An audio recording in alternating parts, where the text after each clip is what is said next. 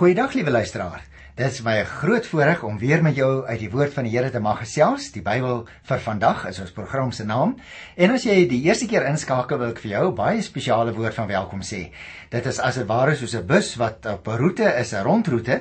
So al klim jy vandag vir die eerste keer op by een van die haltes waar ons dan stilhou, hoef jy glad nie bekommerd te wees dat jy iets verloor het nie, want ons gaan met die program so al in die ronde as dit ware met die bus ry. En as ons uiteindelik so die Here wil by die boek Openbaring kom, dan uh, gaan ons weer by die eerste halte by Genesis 1 begin. So jy is meer as welkom en ook ons gereelde luisteraars. Dit is elke keer vir my 'n voorreg om julle te mag gesels. Ons gaan vandag begin met die boek 1 Samuel. Nou dit is weer 'n nuwe stukkie avontuur vir 'n volgende roete wat ons gaan volg tot by die volgende halte. Jy sal agterkom Ons doen elke keer so een of twee boeke uit die Ou Testament en dan vir afwisseling doen ons 'n boek uit die Nuwe Testament en daarom het ons in die vorige program geëindig met die boek Handelinge. Ek begin dus met 1 Samuel, maar ek wil graag vir jou so 'n bietjie agtergrond gee. Jy sien liewe luisteraar, 1 Samuel is eintlik 'n boek waarin 'n mens lees hoe mense wat hulle lewens betref soms op 'n baie baie indrukwekkende manier begin, maar eindig hulle tragies. Jy sien hier in 1 Samuel begin die verhaal eintlik by Eli. Hy is die hoofpriester van daardie tyd uh waarin dit nog in die rigterstyd was. So ons weet nou ons is by 'n belangrike uh gedeelte eintlik aan die einde gekom naamlik die rigterperiode. As ons nou by Samuel kom, dan moet ons dadelik verstaan Samuel is eintlik 'n oorgangsfiguur. In 'n sekere sin is hy die laaste rigter, maar hy self ook terselfdertyd die eerste koning. Met ander woorde, ons het in die persoon van Samuel eintlik die skanier, die oorgang tussen die rigtertyd en die periode van die konings. Eli se lewe begin egter met 'n tragedie, want sy goddelose seuns het gesneuwel. Die verbondsark het in die hand van die vyand geval en hy self het gesterwe. En dan nou met Eli se dood het die invloed van die priesters ook begin afneem en het die profete 'n al hoe belangriker rol in Israel begin speel. Interessant as jy die verhaal lees. Hanna het vir Samuel nog voor sy geboorte aan die Here gewy. Samuel was dan ook later 'n rigter. Hy was 'n profeet, maar ons moet onthou hy was ook 'n lofiet. Jy kan maar gaan kyk in 1 Kronieke 6 van vers 25 af, dan leer lees ons daarvan hom dat hy 'n leviet was. Nou belangrik dan nou natuurlik wat priesterlike werk verrig het. Hy het natuurlik die werk van die rigters afgehandel soos ek nou net probeer, probeer verduidelik het. Die eerste twee konings van Israel het hy gesalf en een van die grootste profete van Oud-Israel geword. Maar selfs Samuel was nie gevrywaar teen gesinsprobleme nie. Net soos Eli se familie het sy seuns ook die rug op God gekeer. Hulle het omkoopgeskenke aangeneem en hulle het selfs die reg verdraai.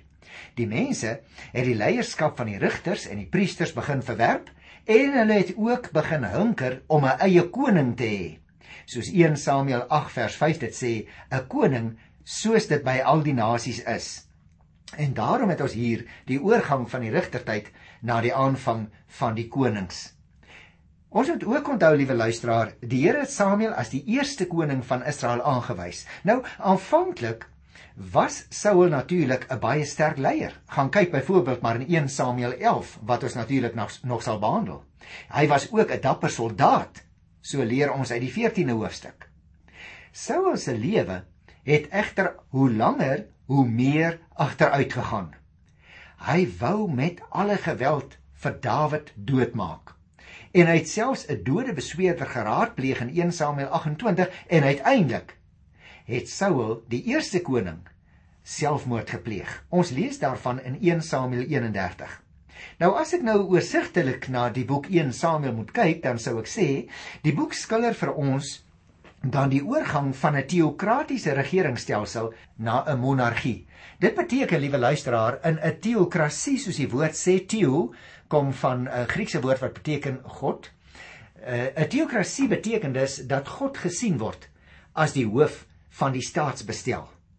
Nou beweeg hierdie hele beweging dus, het ek gesê van 'n teokratiese regeringsstelsel na 'n monargie waar jy dus 'n aardse koning het en nie in die eerste plek sê maar die Here is die hoof van die staat nie. So ons kry dus 'n monargie as ook die opkoms en die invloed van die profete. En dit maak mense soms baie deurmekaar as ons nou uh die koningstyd gaan betree, so 'n paar programme verder eers, dan kry jy die konings en tussen die konings skuif die verskillende profete as dit ware in, want hulle was mense wat perspektief moes gee ook ten opsigte van die rigting wat die koning beweeg het. Het hy binne die wil van die Here opgetree, het hy buite die wil van die Here opgetree, maar ek sal daarby kom wanneer ons by die boek Konings kom. Maar miskien die bekende verhale oor die ark hier in die boek Samuel, die verhale oor Samuel en Saul en Dawid en Goliat en dan ook weer Dawid en Saul en Dawid en Jonathan en Dawid en Abigail, dit is verskillende stories wat ons in die boek Samuel gaan optel. Maar let nou op, dit is nie maar net stories wat slapenstyd vir kinders voorgeles moet word nie. Elkeen van hierdie verhale vorm 'n stuk verkondiging verkondiging oor God, wie hy is, oor die verhouding tussen God en mens en ook natuurlik oor tussenmenslike verhoudings. Hierdie intriges wat mense het, kom dikwels voor hier in die Samuel boeke. Dit is met ander woorde 'n spieël waarin elke leser iets van die Bybelkarakters in homself moet herken en elke keer as ons daarin lees, weer vir homself moet besluit, hoe is ek besig om die wedloop van die lewe te hardloop. Hardloop ek voluit tot aan die einde?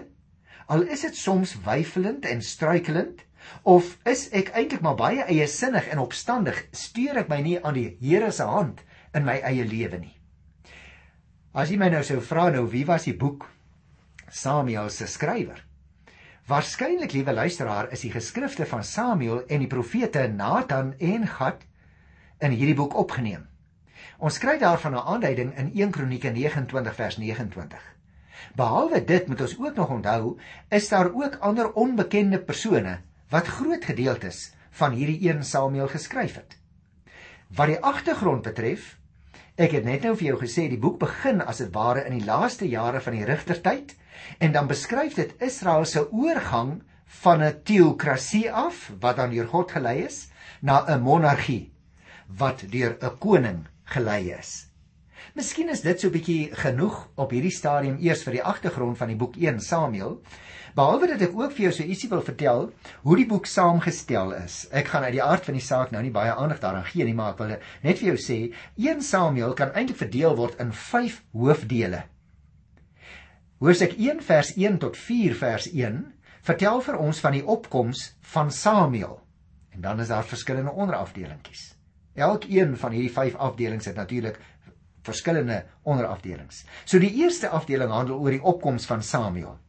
Die tweede groot gedeelte, hoofstuk 4 vers 2 tot 7 vers 1, vertel vir ons die verhaal van die ark van die Here.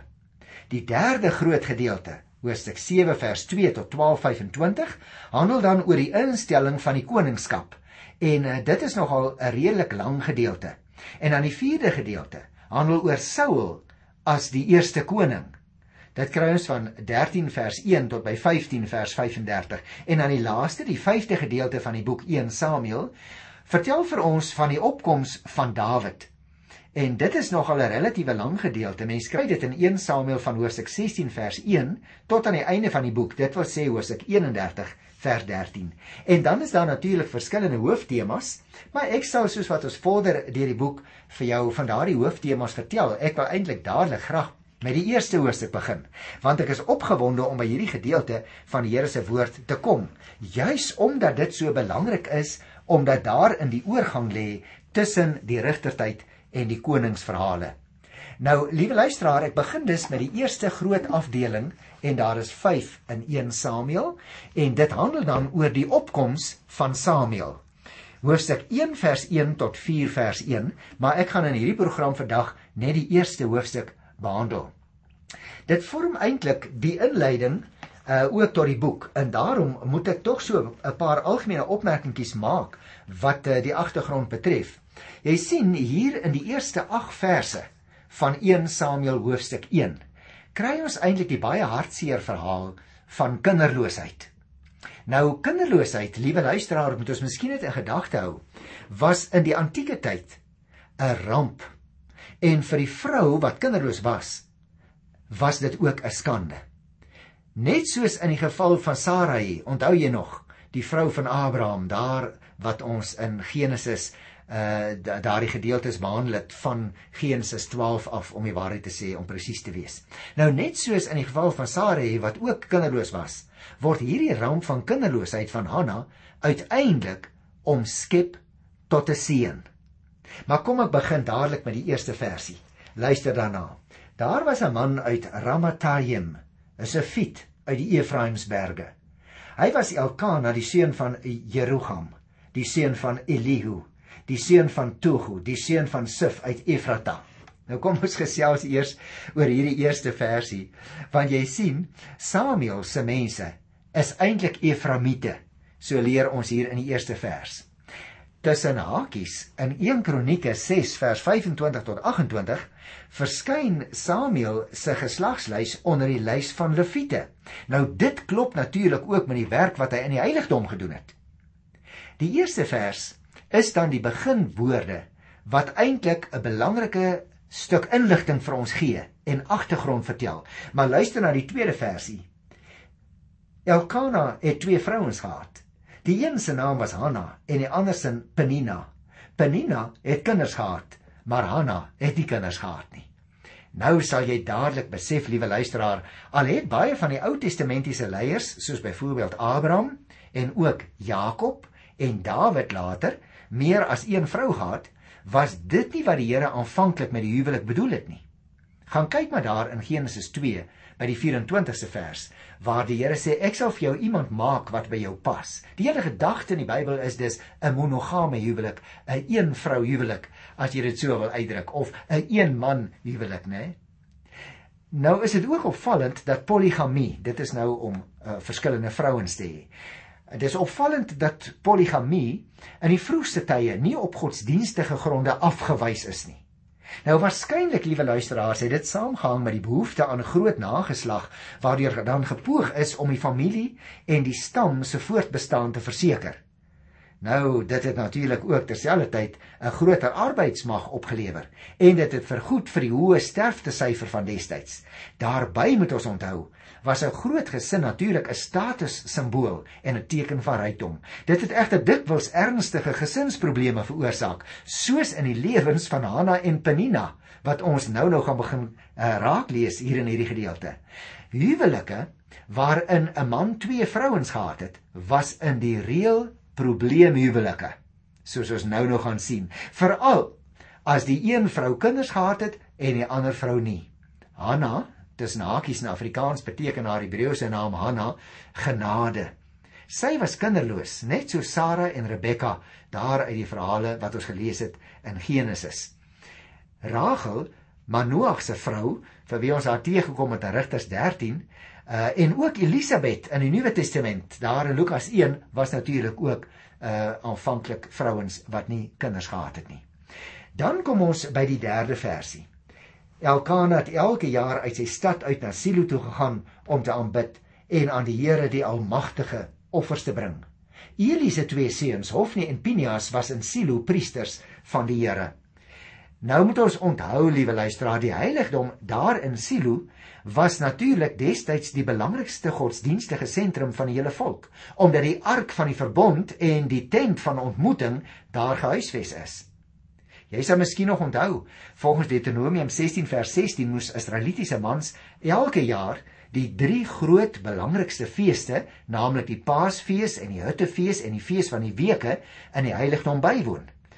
Dit is nou nie baie seker in ons verhaal watter fees hier ter sprake is wat die agtergrond vorm van wat ons hier in die eerste hoofstuk lees nie. Ons moet miskien ook net vir mekaar sê Silo was ongeveer so 18 km oos-noordoos van Rama geleë en die reis daarheen kon eintlik maar 'n kort periode, eintlik maar net in een dag kon jy dit afgelê het. Kom ek lees nou hier by vers 4 tot 6. Elkana het gewoonlik op die dag wanneer hy geoffer het, dele van die offermaaltyd aan sy vrou Penina en al haar seuns en dogters gegee. Alhoewel hy van haar vir Hanna liefgehad het, kon Elkana vir haar elke keer net een deel gee, want die Here het haar kinderloos laat bly. Dan het die ander vrou haar baie gespot en verneder omdat die Here haar kinderloos laat bly het. Nou mense kan hierdie verhaal wat so ek wil amper vir jou sê op 'n hartseer toon begin, kan 'n mens baie goed die hartseer van arme Ohanna verstaan. Maar baie interessant, ons lees daar in die 4de vers, wie eet van die offermaaltyd word natuurlik aan sy medefeesgenote en aan God verbind. Elkana se hele huisgesin is dus daarbey betrek en elkeen kry na sy behoefte van die kos. Penina se geseentheid omdat sy baie kinders het, blyk juis uit haar seuns en dogters. Aan die ander kant, uit vers 5 blyk Hanna se armoede, want sy het nie kinders nie. Het die tweede vers vir ons gesê. Nou haar kinderloosheid is dan uh, soos 'n swaar las wat sy gedra het. Sommige mense het selfs dit as 'n vervloeking in daardie tyd beskou. En daarom het sy nie deur Elkana se liefde ehm um, gegroei nie. Sy was in haar eie oë minderwaardig. Nou moet ons natuurlik onthou, liewe luisteraar, die Here gee kinders en die Here laat bly ook soms 'n vrou kinderloos, soos ons hier in die 5de vers lees. Die 6de vers het vir ons vertel en onderstreep nou dat Hanna kindersloos, kinderloos was. Nou moet ons onthou in die Ou Testamentiese tyd was dit 'n skande Dit het ons al vir mekaar gesê. Dit was 'n verleentheid ook vir haar man. Dit moet ons nie vergeet nie. Kinders het naamlik 'n baie belangrike rol gespeel juis wat betref die ekonomiese struktuur soos wat ek net nou ook geïnsinueer het. Hulle kom byvoorbeeld help uh, om te verdien en later moes natuurlik vir hulle bejaarde ouers voorsiening maak. Maar Penina was wat in vers 6 genoem word die ander vrou. En dit verhef haar in haar rykdom aan kinders. Dis haar prestasie, so het mense gedink en daarom spot en verneder staan daar sy vir Hanna. Omdat Penina kinders het, reken sy dat sy baie beter is as Hanna. Dis immers liewe luisteraar waarvoor Elkana met haar getrou het, toe dit lyk asof Hanna kinderloos sou bly. Maar vers 7 en 8 sê vir ons, so dit jaar vir jaar gegaan. Elke keer as Hanna in die huis van die Here gaan offer het, het Penina gespot, sodat sy gehuil het en sy wou nie eet nie. En dan sê haar man vir haar, let op die drie maniere waarop hy haar probeer troos. Hy sê vir haar, "Hanna, waarom huil jy?" Tweede vraag, "Waarom eet jy nie? Waarom is jy hartseer?" Derde vraag, "Is ek nie vir jou meer werd as 10 seuns nie?" So jy sien liewe luisteraar Elkana beklemtoon juis sy besorgdheid en sy liefde vir Hanna om hierdie drie vrae vir haar te vra. En nou kom ons by die afdelingkie waarin Hanna 'n gelofte gaan aflê hier vers 9 tot by vers 19. Hanna se onbenydenswaardige situasie dryf haar naamlik nou na die Here toe. Maar selfs in die heiligdom word dit verkeerd verstaan. Wanneer Eli sy fout agterkom, sien hy haar Hanna gaan dan later weg, ek gaan dit nou nou lees, vol kinderlike vertroue dat God haar gaan verhoor. Soveel vertroue het sy in God se antwoord dat sy optree asof haar gebed reeds verhoor is. Is dit nie vir ons 'n wonderlike voorbeeld nie? Haar hele gemoedstoestand het verander. Sy het gaan eet asof alles verander het. Dit is natuurlik tipeerend, liewe luisteraars, van ware geloof. Want geloof is vertroue en vertroue beteken dat 'n mens handel asof jou gebed reeds verhoor is. Is dit met jou ook so? Of of sit jy maar altyd uh, en mor en droom en ongelukkig wees? Nee, kom ons lees liewer hier vers 9 tot 11. Op 'n keer na die offermaaltyd in Silo het Hanna opgestaan terwyl die priester Eli op sy stoel langs die deurkusyn van die tempel van die Here gesit het. Sy was bitter hartseer en terwyl sy tot die Here gebid het, het sy onbedaarlik gehuil. Sy het 'n gelofte afgelê en gesê: "Here, Almagtige, as u tog op my ellende wou let en aan my u dienares wou dink en my nie vergeet nie en aan my 'n seun gee, sal ek hom sy lewe lank aan u gee en as teken daarvan sal sy hare nie afgesny word nie. Hier kry ons dus die aflê van Hanna se gelofte.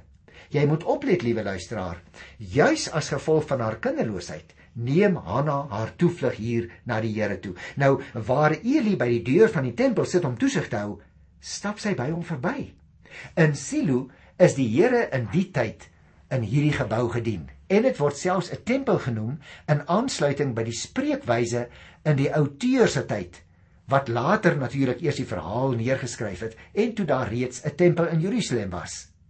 Haar man se woorde daarvan vers 10 kon haar nie regtig opbeur nie. Haar afhanklikheid van die Here kom op 3 maniere tot uiting. Ons lees hier in vers 10. Sy was bitter hartseer. Nommer 2 sy tot die Here gebid terwyl nommer 3 sy bitterlik gehuil het. Die bid het jy opgemerk, dit staan in die middel, want dit is juis op daardie gebed dat die klem lê. Maar nou luister na vers 12 en 13. Sy het lank tot die Here gebid en Eli het stip na haar mond gekyk. Hanna het in haar gedagte gepraat, net haar lippe het geroer. Eli kon nie haar stem hoor nie en daarom het hy gedink sy's dronk. Hy sê toe vir haar: "Hoe lank wil jy dronk bly? Loop word eers nugter." Maar Hanna het geantwoord: "Nee, meneer. Ek is maar net 'n vrou wat diep te neergedruk is. Ek het nie wyn of bier gedrink nie. Ek het my hart uitgestort voor die Here." Liewe luisteraar, kan jy die prentjie teken? Waar Hanna nie ver van Eli af staan nie daar in die heiligdom daar sien hierdie priester hoe haar lippe roer en hy haar dop. Die lang gebed en die vrou wat bitter hartseer is staan daar en aanhou huil met net haar lippe wat geroer het het sy aandag getrek. En hy dink dat sy by die offermaaltyd met wyn haarself te buite gegaan het. Dit het nogal by die hittefees die fees van die druiwe oes gebeur partykeer hoor Maar die 14de vers vertel dan vir ons, Eli probeer die eer van die tempel red. En daarom jaag hy uit. Uit sy vra, "Hoe lank gaan dit aanhou?" Blyk jy sy ongeduld met dronk mense in die tempel. Maar ook teenoor die priester bly Hanna die nederige. Sy spreek hom aan in vers 15 as meneer.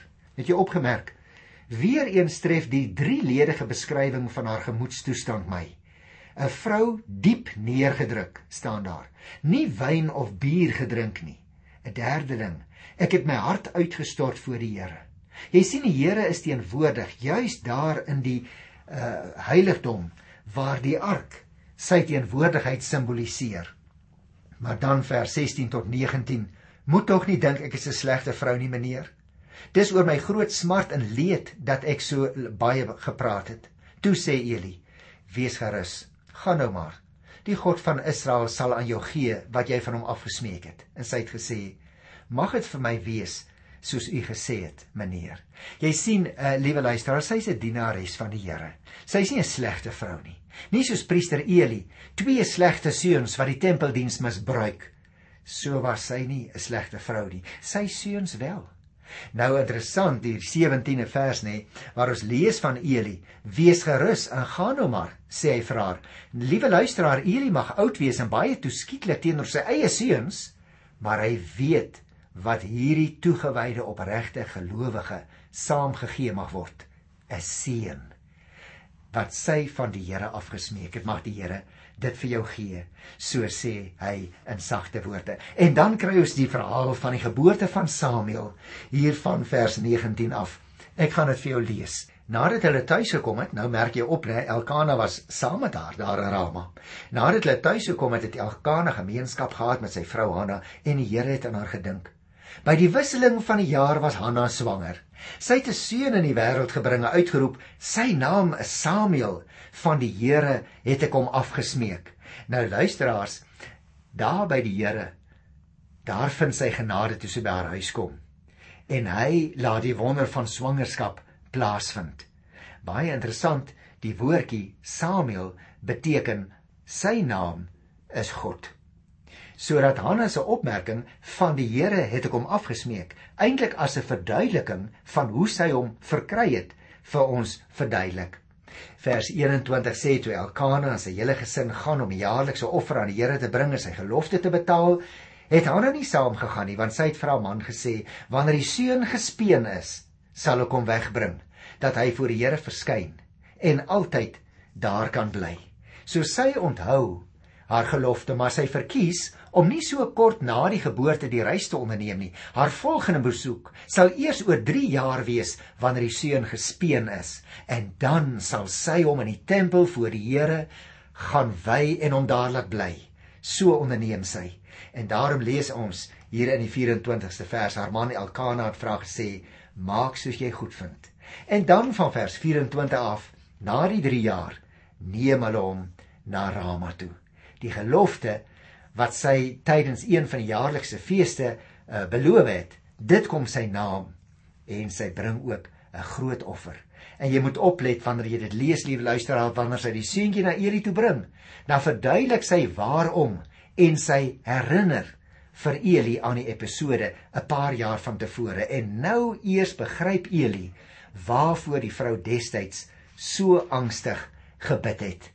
En dan luister ek lees ten slotte vers 7 en 28 om hierdie seun het ek gebid en die Here het aan my gegee wat ek van hom afgesmeek het. Ja, van die Here het ek hierdie kind afgesmeek en nou, nou sal hy sy lewe lank iemand wees wat van die Here afgesmeek is. Toe het hulle die Here daar aanbid. Is dit nie 'n wonderlike verhaal van toewyding nie? Ek groet jou in die wonderlike naam van ons Here. Tot volgende keer. Tot dan. Totsiens.